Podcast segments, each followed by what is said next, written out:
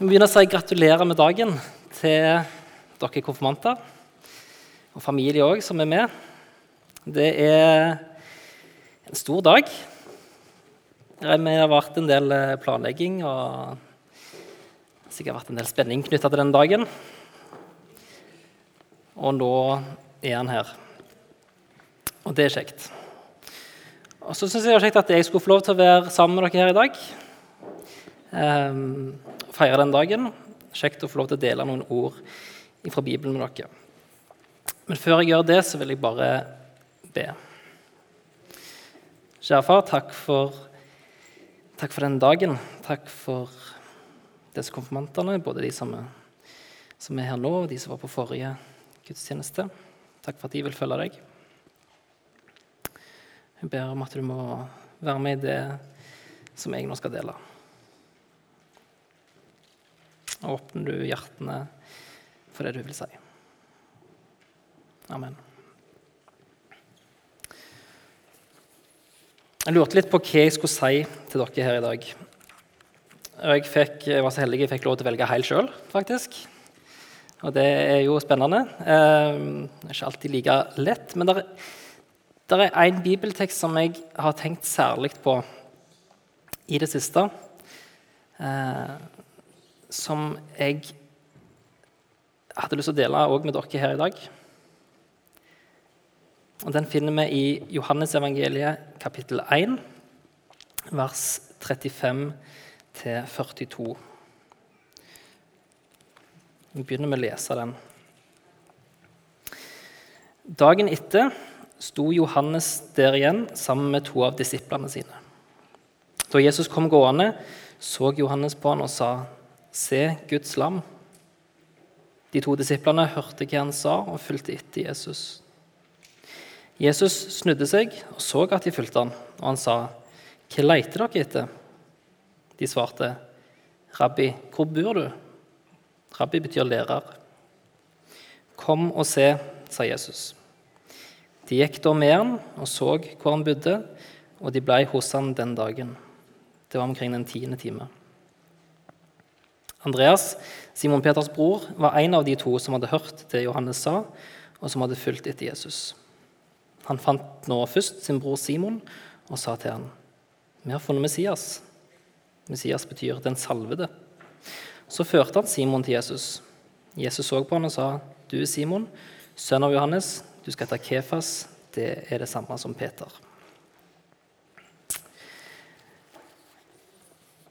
Jeg syns dette er en veldig spennende tekst. Vi skal ikke gå gjennom alt i dag. Um, men hovedspørsmålet som jeg, som jeg, vil ta med inn her i dag, det er det som Jesus spør disiplene. Hva leter dere etter? Det var det som stakk seg ut for meg i teksten. For Andreas og kompisen, eh, den andre disippelen, som en antar kanskje er Johannes, som har skrevet Johannes-evangeliet, de fulgte etter Jesus. Jesus snudde seg, så at de fulgte etter han, og sa, 'Hva leter dere etter?' Jeg syns dette er et bra spørsmål. Og det er et spørsmål som jeg tror vi òg må stille oss. Et spørsmål som vi kan stille oss som Jesu disipler, som konfirmant, eller som forelder, eller besteforelder, eller søsken, eller hva rolle du har her i dag. Hva leiter du etter? Um, nå sitter du selvsagt her i dag på konfirmantgudstjeneste fordi det er konfirmasjon, og du er på et, en lukka gudstjeneste der du er spesielt invitert. Så det er kanskje ikke så vanskelig å svare på hvorfor du er her i dag.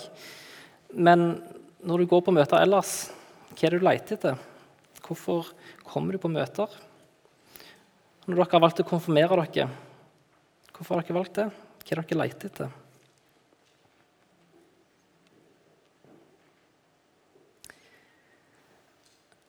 Kanskje er det et vanskelig spørsmål å svare på.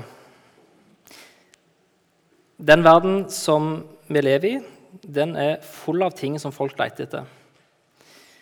På overflata kan det komme til uttrykk i, i både at en søker etter mer penger, en søker kanskje fellesskap, venner, familie, karriere, studier, Eh, kanskje skal han jobbe seg opp med idrett.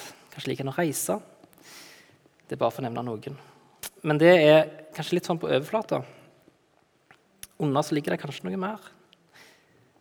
Kanskje det folk leter etter, er sannhet. Kanskje det er et ideal, en god retning, et mål. Kanskje det er meninga med livet. Det er jo sånne store ord, da. Men det med meninga med livet er kanskje ikke alltid lett å sette ord på. Og Det ser vi hos disiplene òg. For når Jesus spør disiplene hva leter dere etter, så svarer disiplene, 'Rabbi, hvor bor du?' Jeg syns det var en litt sånn rar respons. da. Jeg vet ikke om du har vært borti det når du forteller en god historie til en kompis. Um, ta f.eks. at du panta flaske og vant i pantelotteriet. Og så går du og forteller dette til kompisen din. Og kompisen følger skikkelig med, og så spør han hvor mye var klokka da? Det er en litt sånn rar respons, da. Er det ikke det? Jeg har opplevd noe lignende. da. Jeg har aldri vunnet i pantelotteri, men, men, jeg har opplevd det spørsmålet hvor mye var klokka da?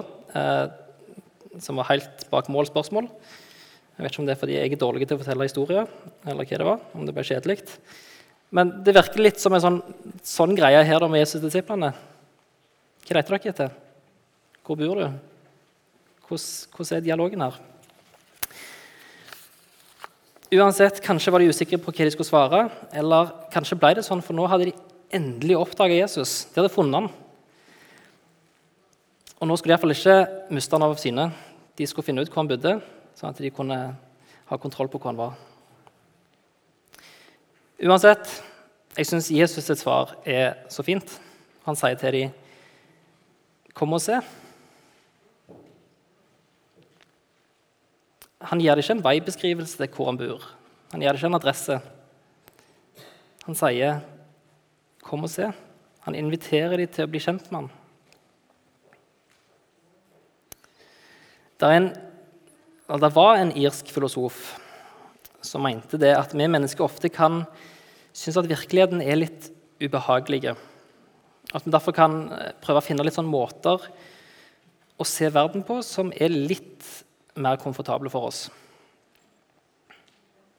Sagt på en annen måte så kan vi av og til prøve å flykte litt ifra virkeligheten. Det kan være forskjellige måter vi gjør det på. da. Om det er å se timevis på en TV-serie, eller om det er film, eller om det er lese en god bok, eller høre på musikk eller podkast, eller ja, noen ting som gir oss en distraksjon da, fra hverdagen, virkeligheten. Men når Jesus her inviterer oss til å se, kom og se, så er det noe helt annet. For når vi ser livet gjennom den kristne linsa, gjennom kristne briller, så blir ikke det en flukt ifra virkeligheten. Da velger vi å trø inn i det som er litt ukomfortabelt. For livet gjennom kristne briller gir oss klarhet i hvor vi står over Gud uten Jesus. Og det viser oss hvor mye vi trenger Han. Og Da står vi overfor et valg. Når Jesus inviterer disiplene her til å komme og se, så er ikke det bare en sånn overfladisk sak. Det handler ikke bare om å se huset til Jesus, men det handler om å få komme og se hvem Jesus er det handler om å få komme og se Gud, et møte med Gud. Så dere ser for dere et teleskop. Et teleskop er en ganske stilig ting. Jeg kan ingenting om teleskop. Men det jeg ser, er at det er et rør, og så er det masse glasslinser inni der som gjør at uh, vi kan se ting som er langt vekke. Det er ca. det jeg vet om teleskop. Jeg vet at det funker. Ting som vi ikke kan se med bare øya, det kan vi se gjennom et teleskop. Eller så kan du ta et mikroskop. Litt samme tingen, eh, bare at eh, da ser vi kanskje litt nøyere på småting som vi ikke kunne sett med bare øya. Eh, og både teleskopet og mikroskopet kan være veldig fine ting å se på, som ingeniørkunst. Det er stilig at noen har kommet på dette her og setter dette sammen. Men vi får ikke benytte oss skikkelig av verken teleskopet eller mikroskopet gjennom å bare se på dem.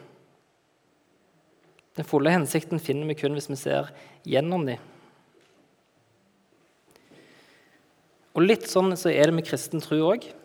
En kan velge å se på Bibelen. En kan velge å se på tekstene, på det som, har, det som vi bekjenner, som sier noe om hva vi tror på. Men den fulle hensikten finner vi kun hvis vi bruker disse tekstene, bruker Bibelen og ser verden gjennom den. Bruker det som ei linse. Da er vi med det punktet der dette høres veldig idyllisk og flott ut, å se, se verden gjennom Bibelens linse. Tenk så flott. Og jo, det er det. Det er flott. Men det er ikke sikkert det alltid vil være så komfortabelt. For når vi ser gjennom disse linsene, så ser vi oss sjøl i et sant fokus. Vi ser hvordan Gud ser på oss. Han ser på oss som mennesker som han elsker, som han vil ha fellesskap med, som han vil være nær. Men han ser òg at vi er mennesker som trenger hjelp, mennesker som trenger å bli redda fra det livet som verden tilbyr. Mennesker som trenger Jesus som trenger at han tok skylda vår med seg på korset og døde for vår synd. Og Det er dette vi blir invitert til å se. Og Det er ikke alltid så komfortabelt fordi det krever et oppgjør fra vår side, at vi gjør noe med det. At vi vender oss vekk fra det som har dratt oss ut av kurs, det som drar oss vekk fra Jesus. I Efeserbrevet kapittel 1, vers 18 så kommer Paulus med en bønn om at menigheten i Efesos må få lys til hjertets øyne, så de får innsikt i det håp han har kalt dem til, hvor rik og herlig hans arv er for de hellige, og hvor overveldende hans kraft er hos oss som tror. Efeserne 1,18. Og Jeg tror dette er en fin bønn for oss òg, å be om at Gud må gi oss lys til våre hjerters øyne at vi kan få full innsikt i det håp som han har kalt oss til. At vi kan få se hvor fantastisk den arven er som vi har i vente, og hvor overveldende hans kraft er hos oss som tror. Videre i teksten vår så står det at disse disiplene de, de gikk med Jesus, de så hvor han bodde, og de ble hos han den dagen. Det var omkring den tiende time. Disiplene endte i hvert fall med å bli med Jesus hjem de ble hos han, de stoppa opp der. De forblei hos han. Det var en tiende time, dvs.